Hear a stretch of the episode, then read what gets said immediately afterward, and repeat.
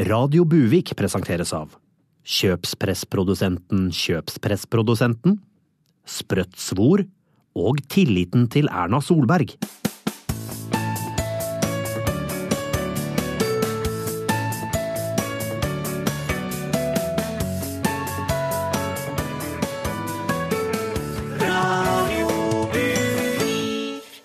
Glad hadde jul, hele jul. ja, for det er jeg som er Helle Dahl, og dette er vår siste sending av Radio Buvik før jula ringer inn. Og først og fremst gratulerer til Magnus Carlsen.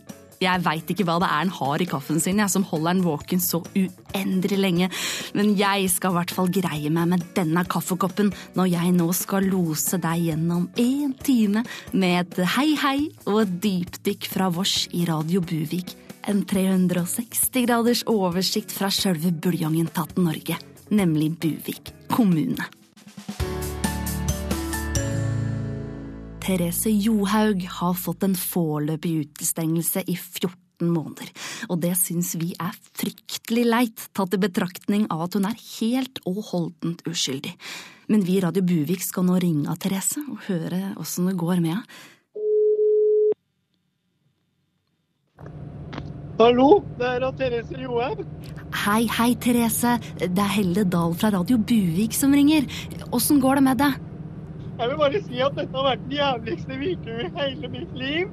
Det er så urettferdig med denne 14 måneders utestengelsen, så nå er jeg ute og blåser av litt damp i bilen min. Det er fryktelig urettferdig, dette, Therese. Men du prater i, i telefon. Har du handsfree? Nei, men jeg ligger bare i 170 km i timen, så jeg klarer å holde telefonen fra automatgir. Men det er veldig distraherende med alle disse paparazzi-boksene som står i veikanten som knipser bilder fra meg med jevne mellomrom. Jo, men, men, du kjører i 170 km i timen. Da er det jo fotoboksene som går av, Therese. Det er jo forbudt å snakke i mobil uten, uten handsfree. Ja, og landslagslegen har ikke sagt til meg at det er forbudt. Og jeg har ikke lagt merke til noen rød sirkler med fartsgrense på veikanten. Jeg er derfor uskyldig, og landslagslegen må ta 100 av skylda. Og jeg nekter for å stoppe på politibilene bak meg. Politi... Therese, om du har politibil bak deg, da må du, da må du stoppe med en gang. Du, du, kan jo bare forklare dem hva som har skjedd. Ja, Siden du sier det, så skal jeg prøve, så skal jeg forklare og være 100 ærlig på det som har skjedd. Så kan du prøve å ringe meg opp igjen seinere. Ja, ja, ok, da, da, skal jeg gjøre det, det, Therese. Lykke til. Vi heier på deg, jenta vår. Ja. Ålreit. Hei.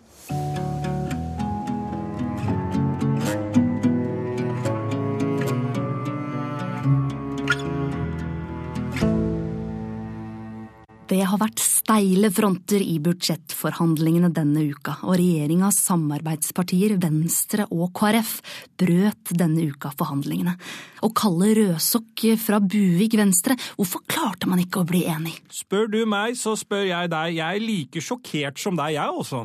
Men Burde dere ikke sett eh, dette komme? Altså, Vi i Venstre gikk inn i regjeringssamarbeid i den tro at vi og regjeringspartiene hadde en felles plattform og verdisyn. Jeg er dypt skuffet over at uh, ja, nå H og Frupp uh, har vist seg å stå for noe helt annet enn det vi trodde.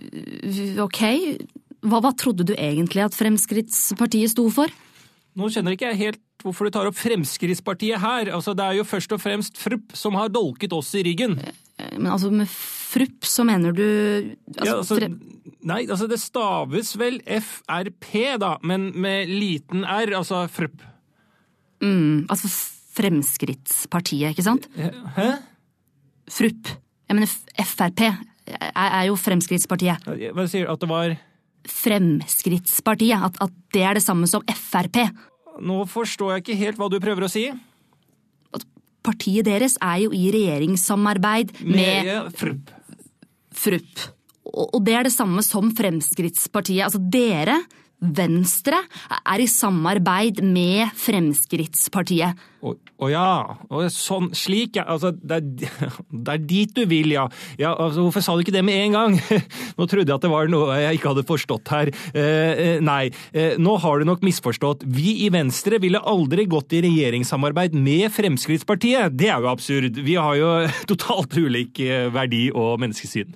Ja, men, men altså, Frp er jo en forkortelse for Fremskrittspartiet. Fre- Ja Nei, nei, det tror jeg ikke stemmer helt. Altså, I så fall så hadde vi nok, vi i Venstre, visst eh, at det Ja, skal vi jeg, altså jeg kan godt google det. Eh, det kan jeg gjøre på min mobil her nå. Eh, Og så ser vi at det At Fremskrittspartiet forkortes. Da ser jeg det, ja. Ja. Mhm. ja. ja. Nå eh,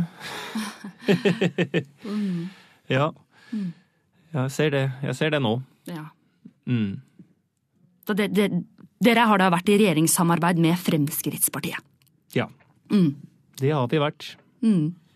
Det er sant. Så da får jeg ta det med meg til mitt eh, eh, til lokallaget Venstre her i Buvik, og så får vi ta det derfra. Ja. Da har vi fått nye opplysninger, så det kan bli interessant å ta videre. Takk skal du ha for det, programleder. Ja. Nei, bare hyggelig, holdt jeg på å si. Ja. Da får du ha lykke til med det. Jo. Ålreit. Ja. ja, og dette er eh, dette med Fremskrittspartiet, det er allment kjent for de fleste, ja. Ja. Ja, dette vet Det eh, H og KrF også om. Høyre og, og, og, og Kristelig Folkeparti, ja. Mm. Hva sa du? Hø Høyre og, og Kristelig Folkeparti. For det er det partiet De er, det vi, de er vi også i regjering med. Ja. Ja, men da Det Ha det, ha det. Ja, du, du stikker. Ja da. Ha det, ha det.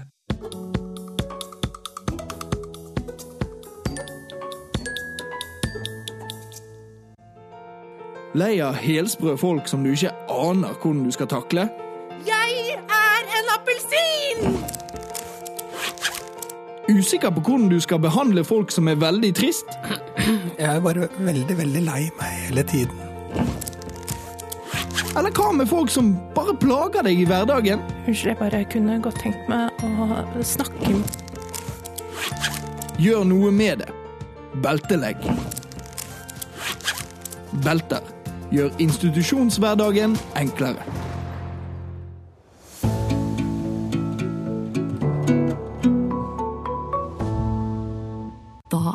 Tid for nyheter med Ida Breed. Og du da, Ida? Skal du feire jul aleine, eller har du noen rundt deg?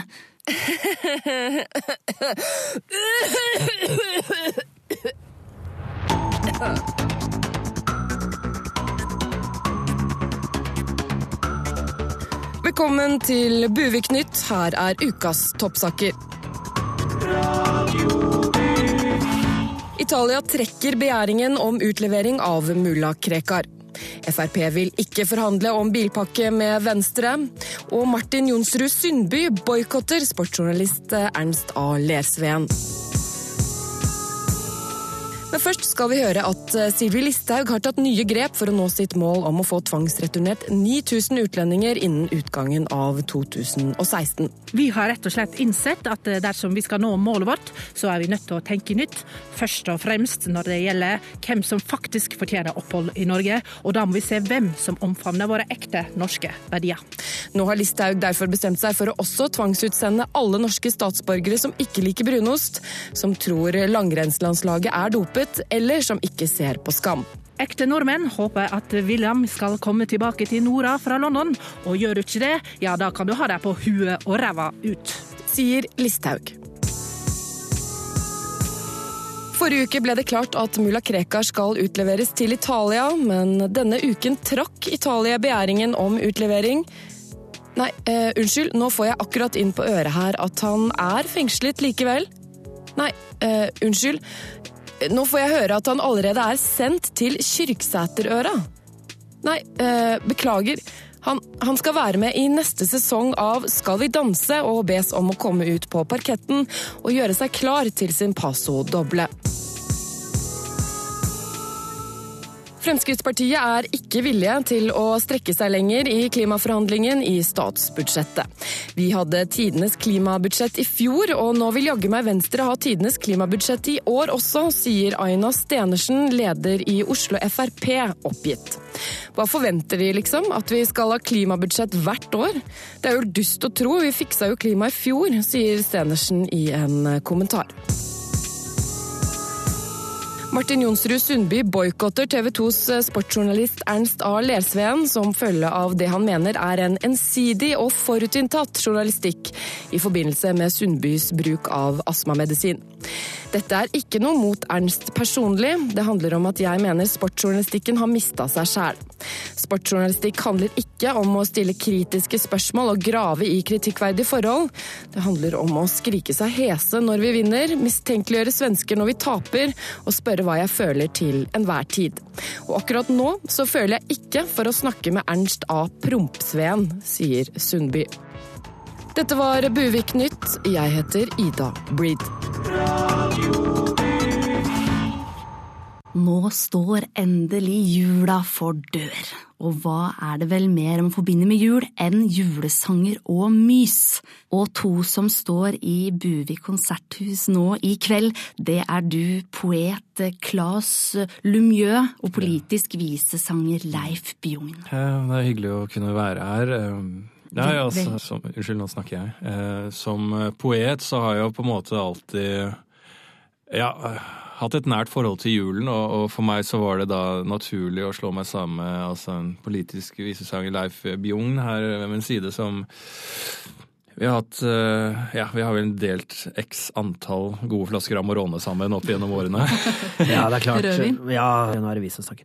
Det er klart at det samarbeidet vi har nå rundt jula er ikke så flatt som at vi bare skal stå og hylle Jesusen, altså. Det er Nei. ikke det vi handler om. Lemjø skriver jo hardt. Han skriver jo fantastiske dikt, og jeg er jo også kjent for min type musikk og, og, og det å ha mening bak det man synger og det man sier. Ja. Mm. Og det er også det konserten heter. Den heter Mening bak det vi synger og sier. Vi kommer nå til å kjøre hele desember måned i Buvik konserthus med fulle saler og ja, en julekonsert som sier litt mer enn bare mys, som du, programleder, var innom. ja, men det er vel litt mys også? Ja da. Jo da, men uh, nå er det vi som prater, og vi vil gjerne spille en låt. For det var jo derfor dere kom hit i dag. For å spille Hvis du lar meg komme til det poenget, så er det derfor vi er her nå. Det er eh, for at vi har lyst til å spille en sang ut til dere lyttere i Buvik, og ja. som jeg har forstått det ganske langt. Jeg gleder meg. Hvis du bare kan være så snill. Ja.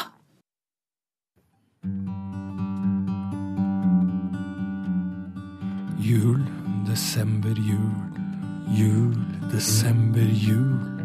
Desember, jul. Desember 2016. Glede, gaver, mat, kjas og mas, Kafkas jag. Murakamis vind blåser alt inn i dens skygge, for jaget etter lykke er som en båtløs brygge.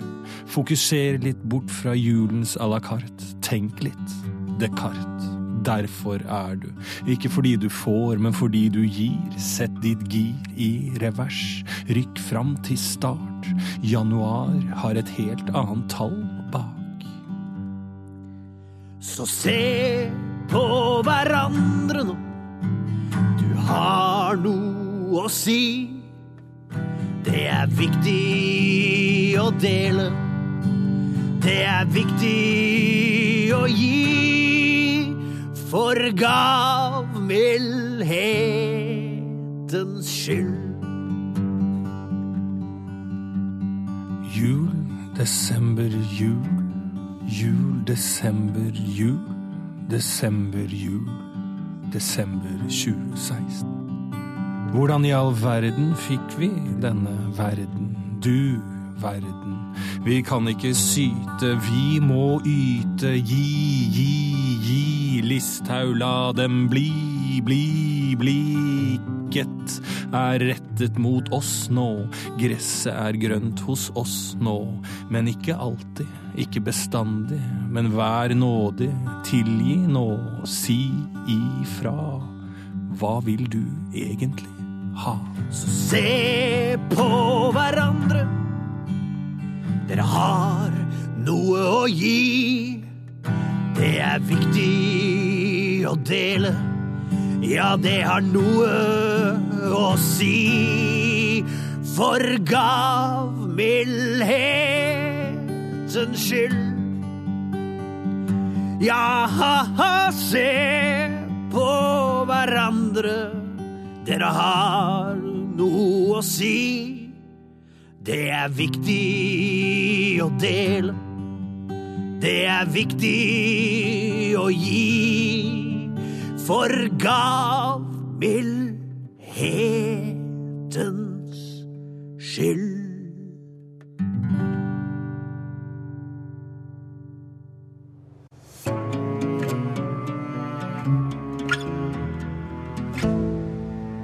Den lokale dialekteksperten vår Gjert Buson Vikbukt tar hver uke for seg et gammelt uttrykk fra den karakteristiske og sjeldne Buvik-dialekta. Denne uka trekker han fram et ord som kanskje kunne vært kjekt å ha i disse budsjettforhandlingstider. Velkommen, guttmensch. I dag skal vi syne uttrykket gnagergåve her på Radio Bjørvek. Uttrykket gnagergåve stammer fra midten på 1300-tallet, og ble brukt om ei ren gåve en ga bort. En gave som virker gild, men ender med å belemre eller utrydde mottakeren. Alle skal få gnagergåve, sa overhovda i landet. Hvem vil ikke ha ei så søt gave som ei gnager, sa folket. Når det så viste seg at gnageren var rotta, som var fullstappa av svartløv, da var ikke det like gildt.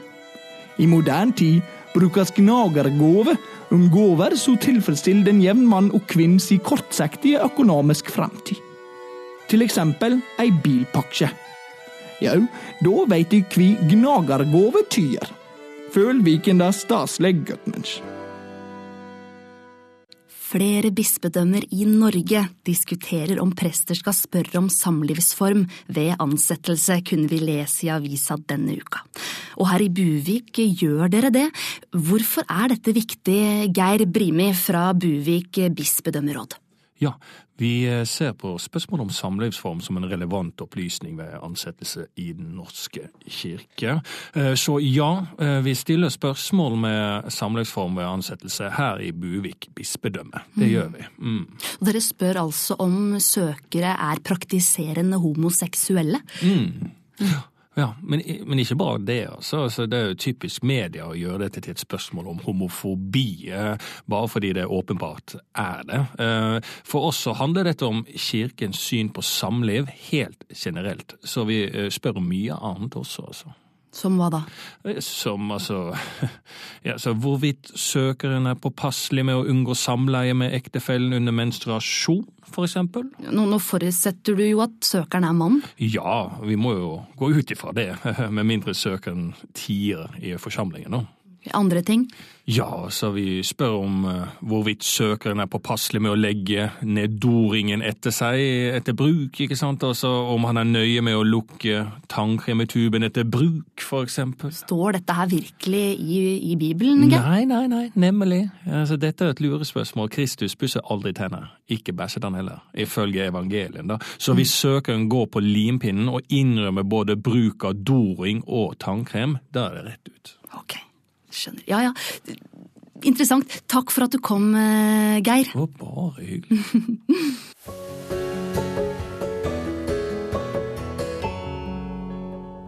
Da skal vi prøve å ringe Therese Johaug igjen og høre åssen det, det, går med henne.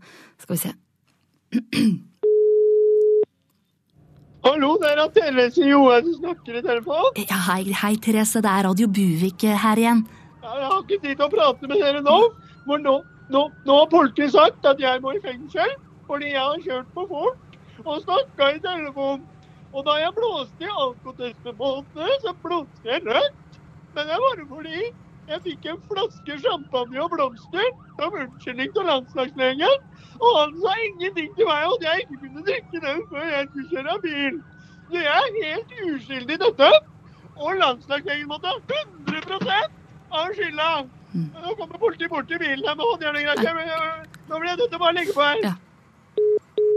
Ja, da la jeg ikke ja, ja, Vi får håpe at det går bra med Therese. Vi står i alle fall bak den 100% uskyldige godjenta vår uansett.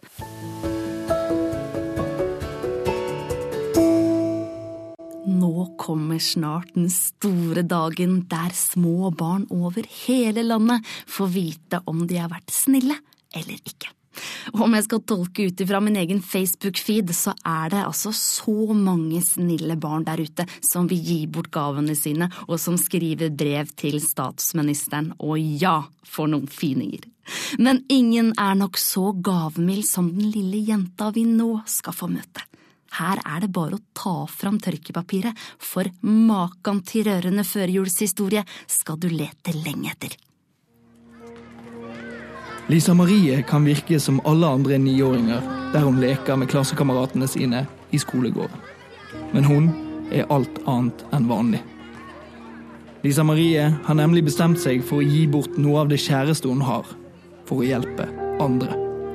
Foreldrene er stolte, men må innrømme at de var skeptiske til å begynne med. Ja, Da hun fortalte det, så begynte jeg å gråte. Altså, Jeg ble sånn ordentlig lei meg men også veldig, veldig, veldig rørt. Ja. Jeg ble sjokkert. Altså, hva er det du sier, vennen? Mm. Ja. Nei, men så, så, så, hørte vi jo forklaringen hennes på hvorfor hun ville gi vekk alt. Hun er en veldig, veldig, veldig snill jente. Så nå ville hun at eh, alle skulle se også hvor snill hun er. Ja. Og det var ja. veldig fint. Ja, absolutt. Og mm. da forsto vi begge at denne lille jenta vår, hun kom til å gå viralt. Tross sin unge alder hadde Lisa Marie allerede sett flere jevnaldrende gå viralt. Enten det var fordi foreldrene hadde transkribert søte private samtaler med barnet og delt på Facebook, eller fordi de ga bort noen av lekene sine til fattige. Men så fikk hun ideen som endret alt. Som hun sa, nå er jeg ni år, og jeg har allerede et klimaavtrykk. Og det kommer bare til å vokse. Hun forklarte hvordan problemene med matmangel og overbefolkning i verden bare kom til å øke. Og... Så sa hun at hun ville dra til Belgia, og ja, ja for å få utført et uh, assistert selvmord. Mm. Den jenta, altså. Jeg gir meg enda over, jeg, ja, lille jenta vår. Lisa Marie vil altså gi det ultimate offer. Sitt eget liv for å hjelpe menneskeheten. Den vakre førjulshistorien rører nå mennesker verden over. Ja, altså, det har tatt helt av, altså! Ja, altså den Planleggingen av turen til Belgia er én ting, men det å eh, måtte poste oppdatering på Facebook-siden, og vi må følge på antall likes og delinger, det er jo en heltidsjobb blitt, det her, så det har tatt helt av. Og hovedpersonen sjøl syns det er gøy med all oppmerksomheten, og er veldig tydelig på hvilken reaksjon hun ønsker seg fra folk i sine siste minutter på jorden. Applaus! Applaus! Applaus! Applaus! Applaus!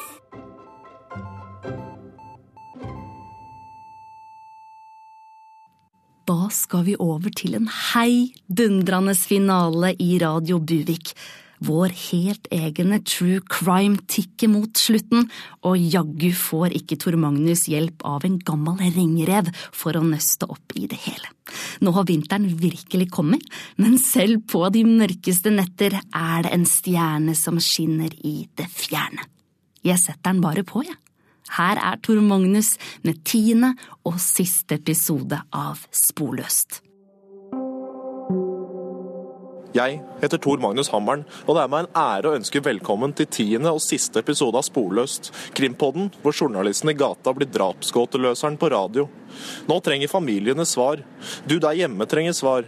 Jeg trenger en dusj, men aller først svar. Og jaggu har ikke prosjektet mitt vakt oppsikt i hashtag Akersgata også.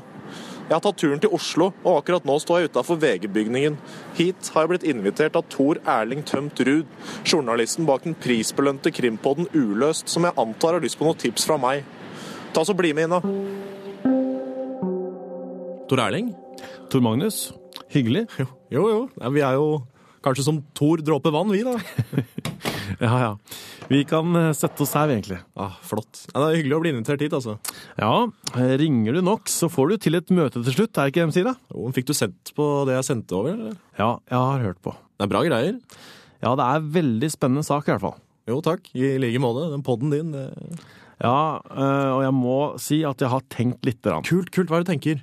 Altså, har du sjøl hørt gjennom alle episodene? Altså, I en hektisk mediehverdag som min egen, så Du veit, 24 timer og 24 år og alt det der strekker ikke til. vet Du Du kan ikke sitte og høre på meg sjæl hele tida heller. Nei, for jeg tror kanskje det hadde vært lurt. Det er ganske åpenbart hvem som står bak drapet på Ho Vasserud. Hva mener du nå? Ok, hun blei funnet med et måkenebb over tåa, ikke sant? Ja, tell me about it. Jeg drømmer om det nebbet. Nattlig. Ja, Det er ikke sånn at jeg er politi, men jeg er journalist, og det jeg har lært, er at det, det viktigste med drapsgåter er å se på detaljene rundt drapet. I dette tilfellet måkenebbet. Hvem i Buvik var det som hadde enkel tilgang på et måkenebb? Det var jo måkeår i 92, så det kunne jo vært hvem som helst. Jo, jo, men hvem var det som i tillegg hadde nøkkel til marinaen der Lene ble funnet? Nei, det, det, må være Bengt, han eier jo marinaen. Og så er det nøkkel hos politiet, selvfølgelig. Nettopp. Det er nøkkel hos. Nøkkelen er politiet. Nøkkelen er politi. De har jo ikke klart noe her. Nei, for hvem var det som kasta bevisene i resirkulering fordi de skulle rydde i strandsonen? Nei, det var jo politiet, det, da. Og hvem var det som prøvde å kvele deg når du la deg sånn som drapsofferet blei funnet? Men det var jo lensmann. Jeg syns han var litt ekstra kvelete den dagen, jeg må si det. Ja, nettopp! Han prøvde å feie deg av banen i første episode. Hæ? Terje? Ja, sånn er det, tror jeg. Han har jo prøvd å stanse deg siden du begynte å snuse på denne saken her. Men ikke la det gå inn på deg. Nå har jo historien din rørt hele Norge, og vi har løst denne floka sammen. Jeg, jeg vet ikke hva jeg skal Jeg, jeg må bare må ha luft Takk, takk Tor Erling. Takk. Du. Hei, du. Du, du glemte opptakeren. Åh, nå må jeg digiposte den her, da. Bare et lite tips til seinere, Tor Magnus. Når du stormer gråtende ut av møtet med meg her på VG, så tror folk at jeg har en ny prisvinnende podkast på gang. Og det orker jeg faktisk ikke flere spørsmål om. Den kommer når den kommer. Ok? Vi hørs! Skal vi se, åssen er det jeg skrur av det her, da?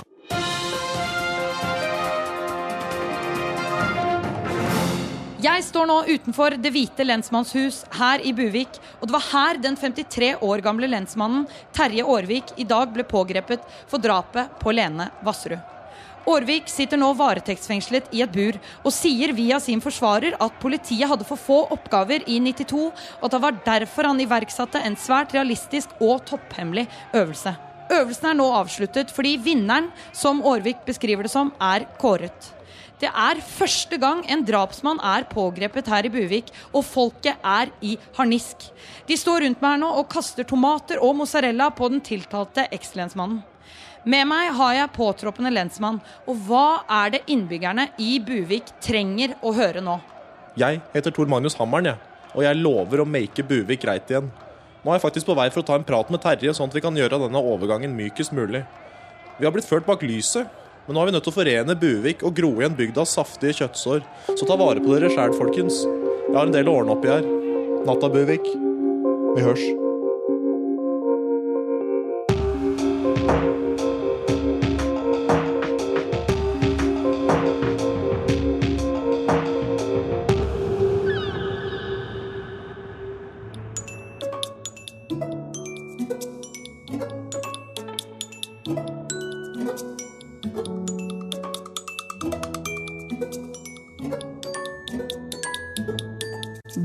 Uka har vært en berg-og-dal-bane for innvandrings- og integreringsminister Sylvi Listhaug, og det toppa seg da hun ble stilt til veggs av en syrisk tannlege.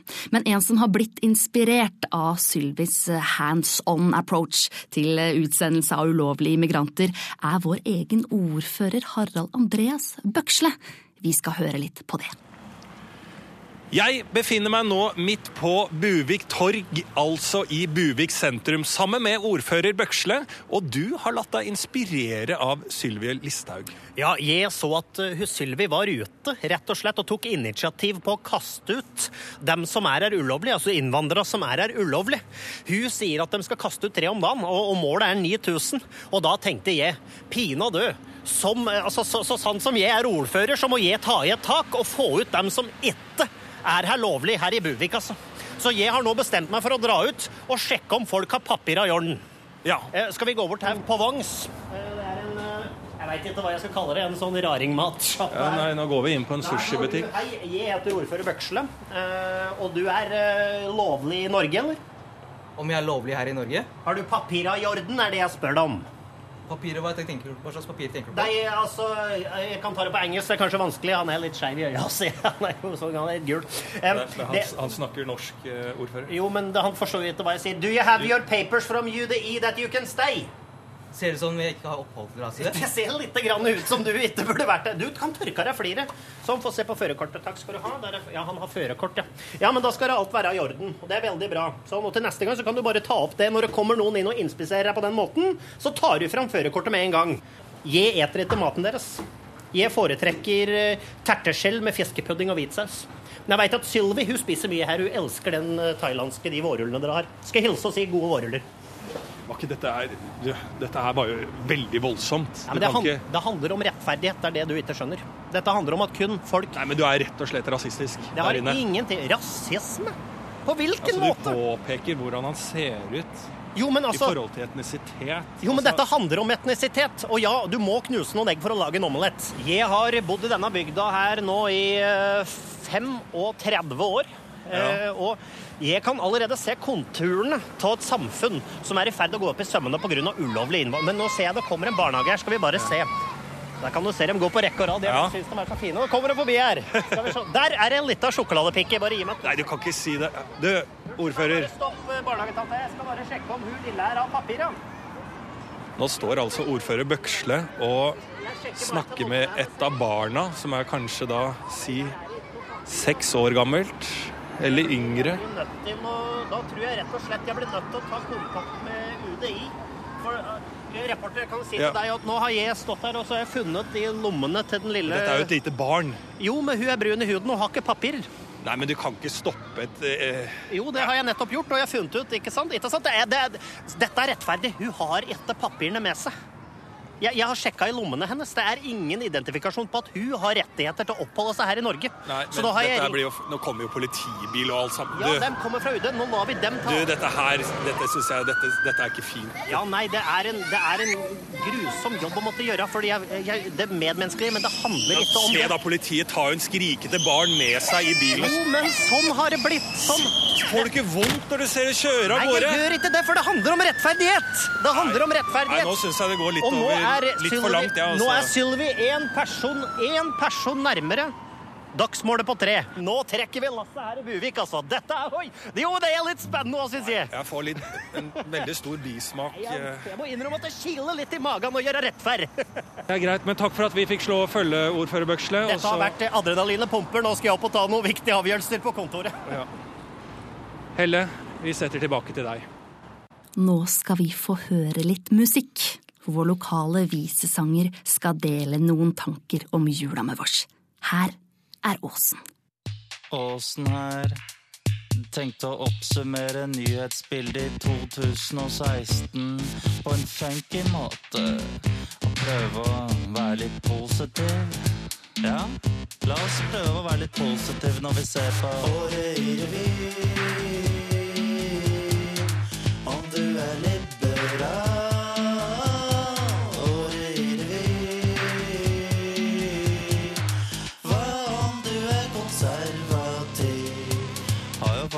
Skjedd et par ålreite ting, da. Fredsavtale i Colombia og greier. Klimaavtale, avtale, Parisavtale.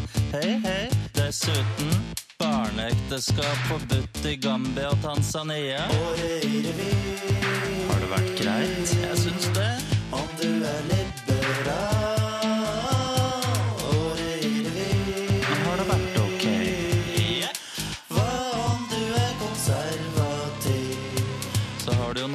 jo noen negativer òg, da. Så klart har vi det. Donald presidentelekt, en mann med sosiopatiske trekk. Selv om Hillary fikk flere stemmer. Det er jo ikke demokrati, det. Nynazistmiljø som blomstrer i Norge. Det er ikke, det er ikke bra, det. Året i revy. Har det vært greit? Nei, jeg syns ikke det. Om du er liberal. Men jeg er ikke det.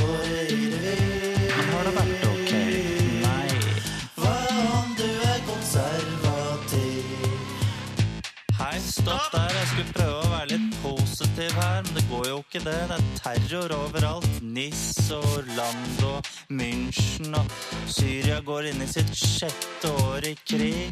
Det er jo helt forferdelig. Det er ingenting å smile for lenger. Åsen, jeg tror du har misforstått litt, altså.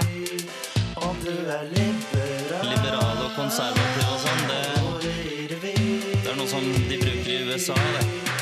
Hva om du er konservativ? Jeg prøvde i desperasjon å google og søke opp noen positive og fine nye nyheter i 2016, men jeg fant ikke det. Det sto bare at det skulle være noen nyheter i hyllene på Vinmonopolet. Så jeg tok en tur på Vinmonopolet. Jeg fant ikke noen nyheter der. Jeg fant bare en bråte med vin. Så jeg kjøpte meg litt vin, og nå har jeg drukket vin, og nå føler jeg meg ganske fri. VG har denne høsten satt i gang en spalte de kaller VG drar bra damer, hvor de trekker frem kvinner fra mediebildet til å skrive for dem. Og det er ikke det eneste tiltaket de har gjort for å fremme kvinner. VG har nå laga en helt egen utstilling i Frognerparken i Oslo, som har hatt åpning nå i helga. Og Radio Buvik var sjølsagt til stede. Nå står jeg ved portalen ved Frognerparken på vei inn for å se på utstillingen Kvinnelandsbyen 2016. Dette er en utstilling av kvinner som mot alle odds har klart å få seg en karriere. Og her står jeg sammen med prosjektleder og igangsetter Bernt Larry Løge, som skal følge meg litt rundt. Ja, velkommen skal du være. Altså, vi er jo veldig stolte over å kunne vise fram disse menneskene. Født som kvinner, men som allikevel sant, har greid å stikke seg fram og faktisk bli tatt på alvor i samfunnet. Ja, Det er jo kjempeimponerende. Ja, vi kan jo starte da med, å- med å gå bort Ja, hit. skal vi se. Ja, Her kan du se. Der sitter Eva Sandum. Ser du det? Hun ble først kjent for, ja, ja, hun ble først kjent for å være modellkjæresten til den spanske prins Felipe. Ikke sant? Men hun gjør en helomvending og gjør en karriere innenfor reklamebransjen. Og dette er jo ganske så unikt. Så hun har vi satt opp på en pidestall, sant? Og hvor hun viser hvordan man kan jobbe med ideer og plakater. Og så kan man, man kan snakke til henne da. For eksempel kan jeg, kan jeg rope da Har du noen eh, ideer i dag da, Eva? Ja, det er bare, det er bare å klappe. Nei, nei, nei, nei. Ikke, ikke klappe med hendene. Du kan, du, gå, du kan gå bort og klappe Eva. Kom, ja, kom så går vi bort. Kjenn hun er veldig myk ut. Så forsiktig. Hei, Gå inn med håndbak. Må klappe unnifra. Ja, Eva kan skvette veldig. kan skvette. Hei, Eva. Sånn. Så sånn. flink du er. Ja, veldig flink. Hun, hun er så flink, altså. Men hvor, hvor mye er klokka nå? Du, den to på tre er den blitt. Klokken er to på tre. Da må vi sk- skynde oss bort hit. Der kan du se Vigdis Hjorth sitter og skriver en bok, men nå, det som skjer her nå, er veldig spennende. For nå, ser du nå, nå setter de ut en kartong med Amigo rødvin til Anne B. Ragde. Og du kan se, hvis du ser på henne, hun jo, har jo en millionsuksess, ikke sant? Kjempeflink forfatter, en kvinne med masse suksess, og nå drikker hun, se drikker Amigo rødvin. Men hun er en kjempesuksess, altså. Både Vigdis Hjorth og Anne B. Ragde er kjempesuksesser, og det skal jo egentlig være umulig for en kvinne, sant? Men de har fått det til, og det er vi veldig stolte av. Altså. Du, er det, er det Lene Marlin vi hører eh? Det er Lene Marlin. Bare se der oppe i, i, i, i.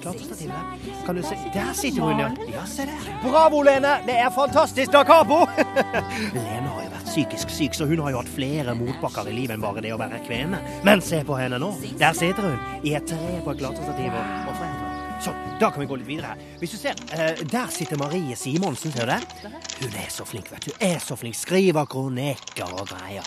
Marie, nå kan du, kan du skrive litt på tastaturet. Vi har besøk her. Skriv, kom igjen. Åh, se på Marie Simonsen. Hun er søt, da. Hun liker jo å skrive sånne krasse ting. Hun er så god. Du, er, er ikke det Anne Grosvold der borte som driver og balanserer på den sykkelen med de bjellene Jo, jo, på jo, jo, der kan du se. Så vi vil bare vise deg at kvinner også kan sykle, sant? Nå må du passe på deg, Anne! Har du på deg hjelmen? Wow. Du, takk for titten. Bare sånn på tampen her, hva mer kan man få med seg hvis man tar turen til Kvinnelandsbyen 2016? Masse spennende. Du kan se Brita Møystad Engseth anmelde film helt selv, fra 14 til 18. Hun har vi plassert i et glassmonter ved siden av Sinnataggen. Hun er jo nesten en mann, men vi har tatt henne med allikevel. Hun ser ut som en mann, men klarer å være en suksessfull kvinne. Imponerende.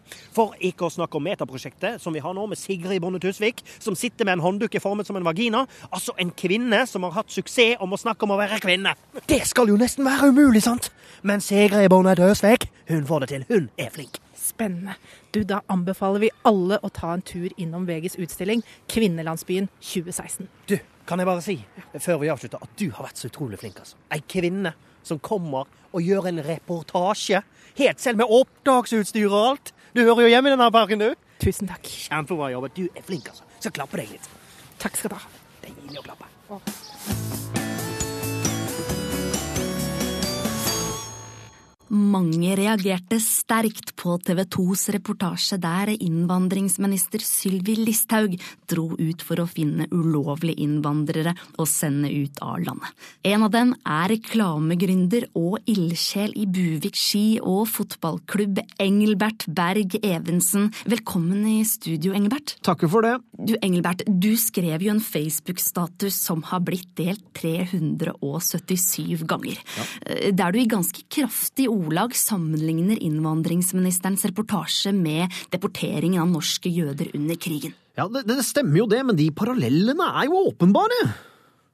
Du tar ikke litt hardt i da, Engelbert, å sammenligne norsk eh, innvandringspolitikk med verdenshistoriens største folkemord? Overhodet ikke, altså her er det masse likt. I begge tilfeller så ble det banket på dører, folk blei flytta, det var tåke, noen sa kanskje 'heraus' på, på, på tysk, altså i så fall så er det jo akkurat likt, ikke sant? Jo, men det er jo veldig mye som er ulikt eh, også, da. Det får være deg om det, altså det at jeg har fått såpass mye støtte på Facebook beviser jo bare at jeg har rett. Ja, Listhaug har jo også fått ganske mye støtte på Facebook. Ja, og det er mer et demokratisk problem igjen. Altså, Den støtten får hun da ved å, ved å bevisst fordreie sannheten, ikke sant? Ved å appellere til følelser og bruke falske motsetningsforhold. Altså, Minner det deg kanskje litt om en viss annen propagandaminister? Altså under et visst tredje rike, kanskje? Jeg, altså, jeg skal ikke nevne navn, men det begynner på G og slutter på Ubbels. Goebbels? Goebbels, ja. Ja, men dette her blir jo bare historieløst. Altså, du er historieløs. Altså, akkurat som nazistene, og jeg kan nazistene. Jeg har sett både Der Untergang og jeg har sett Max Manus. Du tenker ikke at det er litt lite hensiktsmessig å trekke sammenligning til Nazi-Tyskland om absolutt alt, da? Altså, jeg sammenligner jo ikke alt med Nazi-Tyskland. Altså, det er så jævlig typisk journalister å alltid snakke i absolutter. Vei- vei- Veit du en annen som alltid snakka i absolutter? Absolutt hele tida, hver eneste gang? Hitler? Hitler, ja. Det får deg til å tenke det, kanskje? Ikke så veldig, for å være ærlig. Egentlig så føler jeg bare at du, du på en måte sporer av eh, debatten her. Nettopp! Og en annen som var god til å spore av debatter, sir Winston Churchill. Og hvis jeg er Churchill, så blir vel du en viss fører med fornavn som starter på A og slutter på Dolf, da? Adolf blir det, hvis ikke du skjønte det. Altså Adolf som i Adolf Hitler! Jeg skjønte det. Men det her blir jo bare barnslig, spør du meg. Du er barnslig og nazist. Hvordan kan man ha en konstruktiv debatt hvis man bare kan avfeie motstanderen sin som nazist? Så samme hvor søkt sammenligningen er. Målet hellige middelet, sier nå jeg. Vet du hvem som sa det? Inger Hagerup? eh, Machiavelli. Aldri hørt om, men samme det, greit. Jeg har kanskje skrudd på litt her og der, men, men det må da være lov, og seierherren blir aldri spurt om han snakker sant. Mm, og vet du hvem som sa det, da? Klaus Hagerup? Han var en Hitler. Ja, da kan du se. Altså, Men han var ikke bare dum, han der Hitler, han hadde kanskje noe for seg. Alle mennesker har jo noe godt i seg også. Alle mennesker har verdi. Men det klarer vel ikke du å se? Veit du hvem andre som ikke klarte å se at alle mennesker var verdifulle? Adolf Hitler. Nettopp, det stemmer! Og nå tenker jeg du fikk litt av hvert å tygge på. Ja, definitivt. Og takk for at du kom i studio, Engelbert. Ja, selv takk, Hitler. Selv takk, Hitler. tenker jeg.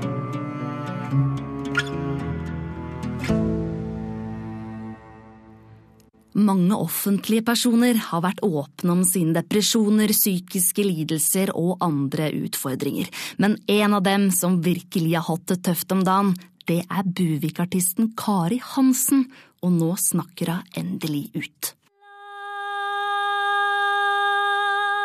Du kjenner henne kanskje best som Kari, eller kanskje Synge-Hansen. Buviks tredje mestselgende plateartist i år. Men bak de kurante anmeldelsene og tålelig godt besøkte konsertene skjuler det seg en hemmelighet. Det hele begynte med at jeg leste alle disse portrettintervjuene i både aviser og magasiner, og der sto det om den og den som møtte veggen, og hun og hun som fikk angst, og han der kjempet seg ut av depresjon, og, og det virket som om liksom alle bare gikk rundt og bar på et sånt dypt mørke som, eh, som jeg ikke kjente meg igjen i, og da skjønte jeg egentlig hvor fryktelig ille ute jeg selv også var. da. Ja, hvordan da, tenker du på? Jeg syns det er litt vanskelig å beskrive. Ja, det går bra. Altså dette, bare ta den tid du trenger. Nei, altså jeg mener det er vanskelig å beskrive fordi det ikke er noe å beskrive i det hele tatt. Jeg har ikke møtt veggen. Jeg har aldri hatt angst, og jeg har aldri vært fattig, jeg har aldri vært deprimert. Jeg har heller ikke vært rusmisbruker. Jeg har egentlig hatt det veldig bra, jeg, hele livet mitt. Det må ha vært utrolig vanskelig for deg. Det er, jo, det er jo utrolig tøft å ikke ha det så tøft. Spesielt da som plateartist, som jeg er. Og når journalister skal gjøre lanseringsintervju med meg, så aner de jo ikke hva, hva de skal snakke med meg om. Og jeg husker jeg gjorde et firesiders portrett i magasinet, og da snakket jeg egentlig bare om været hele intervjuet. Så grusomt. Ja. Og ingen radiostasjoner vil spille sangene mine, fordi de ikke kan linkes opp til en personlig krise. P4 droppet jo å A-liste meg med låta 'Gråspurven flyr høyt og lavt', da de fant ut at den ikke handlet om å være bipolar, men da om en gråspurv. Herregud, altså, jeg kan ikke engang fatte hvordan det må være å være deg. Nei, jeg tror ikke folk helt er klar over hvor hardt det er å ikke ha noen problemer. da. Og ikke høre noen hviske bak ryggen din i kassakøen. 'Oi, nå har Kari ramla utpå igjen'. Jeg får aldri den, jeg. Nei. Men du kom deg ut av dette her, gjorde du ikke det? Ja, jeg kom jo fram til å ha det sånn som jeg har det. Det er på en måte enda verre enn å ha noen faktiske problemer. For da har man jo i det minste noe å selge plate på og få sympati på. Jeg har jo ingen drahjelp i det hele tatt. Og det, det er tungt. Og ikke minst enormt tabubelagt. Så nå har jeg bestemt meg for å endelig tørre å snakke ut om dette, og om den tøffe tiden da, uten angst. For en utrolig sterk historie. Tusen takk. Modig. Takk. Du er virkelig et forbilde med din åpenhet, det må du bare vite. Altså. Har du noen råd til andre som går gjennom noe av det samme? Åh, ja, det har jeg. For det første, ikke mist motet. Never ever give up. Selv om ting kanskje virker veldig bra og uproblematisk akkurat nå, så finnes det alltid en mørk tunnel i enden av denne lyse, lyse veistrekningen. Man klarer alltid å snu de gode tingene til noe negativt med den rette innstillingen. Og da går altså alt så mye bedre. Tusen takk for at du tok tid til oss. Tusen takk. Kjempehyggelig at dere var her. Er en hilsen fra oss i Internett. Vi vil gjerne rette en stor takk til alle brukere i 2016. Takk til alle tjukkaser og folk med andre skavanker som med stolthet har lagt ut bilder av kroppene sine. Takk til alle man kan hate på som tar selfies. Bilder av seg selv i fugleperspektiv, og som sjekker inn på Upper Crust på Gardermoen når dere skal på en eller annen jævlig bedriten helgetur. Vi ønsker også å takke alle dere som har lira av andre selvfølgeligheter, hatt debatter uten politisk tyngde, og de som har drevet mobbing av folk basert på kultur, rase, utseende og politisk ståsted. En ekstra takk til de som har presset folk så langt ned i djupet at de til og med har valgt å forlate denne jorda. In real life der, altså. Takk til alle som har dukka ned i det dype nettet. Takk til Facebook-grupper med meningsløst engasjement. Takk for at dere genererer mer hat og irritasjon, så denne butikken kan se fram til nok et år med faen! Så bruk de feite julepølsefingrene dine nå! Åpne opp et internettvindu og avslutt året med det samme kjedelige, hjernedøde oppdateringene nå, da vel! Da gjenstår det bare fra oss i internett å si tusen takk, din forbanna feite, sneversynte jævla idiot! Og god jævla jul, da! Yeah!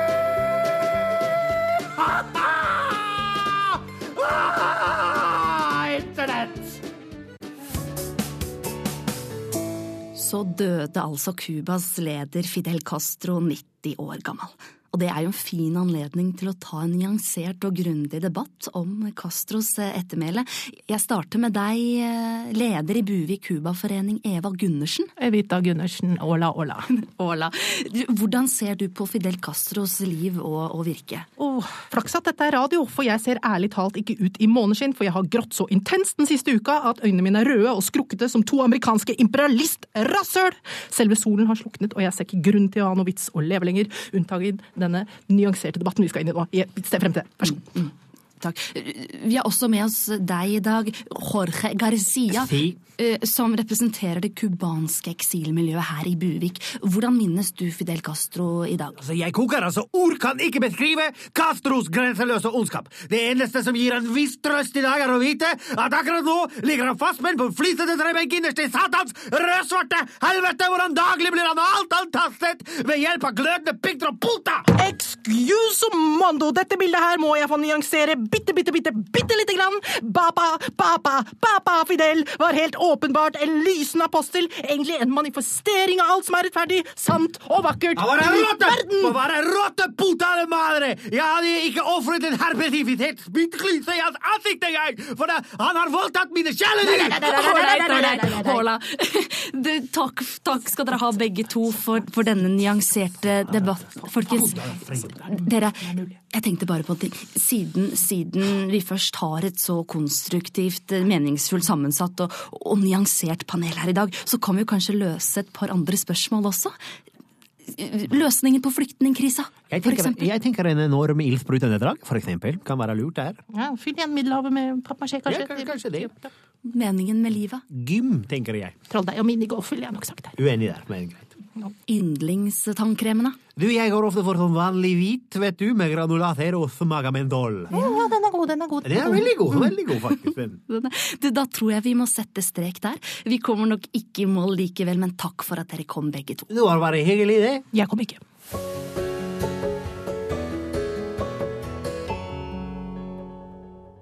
Nå får jeg en beskjed av teknikeren i studio her at vi har en innkommende telefonsamtale fra Therese Johaug. Skal vi se.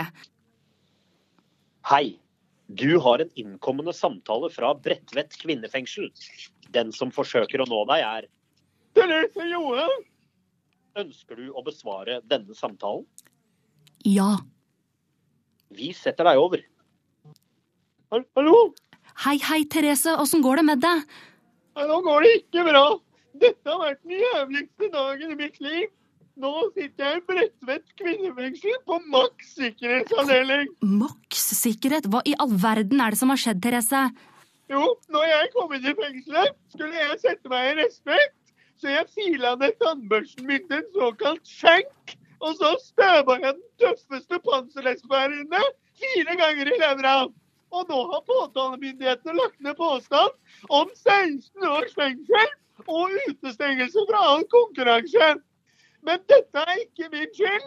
Jeg visste ikke at det var ulovlig å skjenke noe for å sette seg i respekt i fengsel. Jeg veit ikke helt hvorfor, men dette føler jeg landslagslegen må ta 100% av skylda for. Jeg havna i god tro, og har i avhør vært 100% ærlig i denne saka. Og det er ikke min skyld. Taletiden er over. Nei. Uffa meg, altså. Nå er det viktigere enn noen gang at vi står bak godjenta vår. Vi vet at du er uskyldig, Therese. Nå leser jeg faktisk på nettet her at svenskene spekulerer i at påtalemyndighetenes påstand om 16 års fengsel på mistenkelig vis gjør at Therese rekker OL i 2034, og det syns jeg blir for dumt, Sverige, ærlig talt. Håper i hvert fall at du blir rettsmessig frikjent, Therese, og at du snart er tilbake i sporet. Lykke til!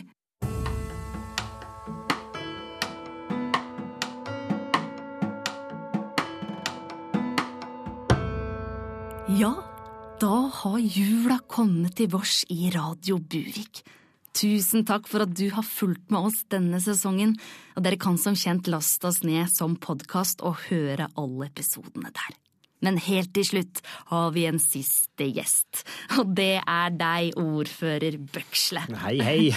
Hva ønsker du deg til jul? Å, det kom brått på. Jeg, jeg tror kanskje det jeg ønsker til meg mest, er en telefonsamtale fra Donald Trump. Ja, for han har jo ringt til Erna Solberg nå, hvis du fikk med deg det, hvor han takka for Norges innsats i alliansen og kampen mot IS og ordentlig stas. Og jeg vil jo bare si at hvis en Donald, det kan jeg si, Mr. Donald, if you call me, I can tell you we will talk better. Jeg er jo nærmere enn Donald, jeg, enn det, enn det hun eh, Erna Solberg er, kanskje, da. Ja, Så vil det var det. Men, men det, er grunn, det er ikke grunnen til at jeg er her.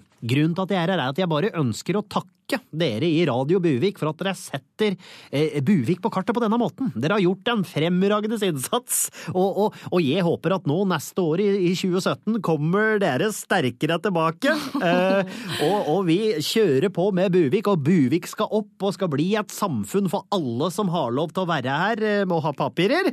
Og det skal også være en fryd å være her og se på alle de pene jentene.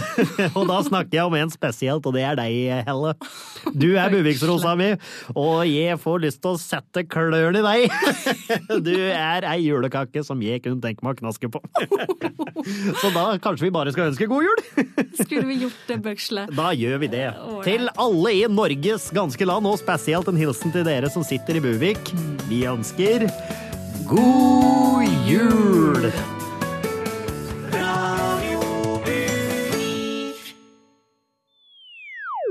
Produsert av Rubicon Radio.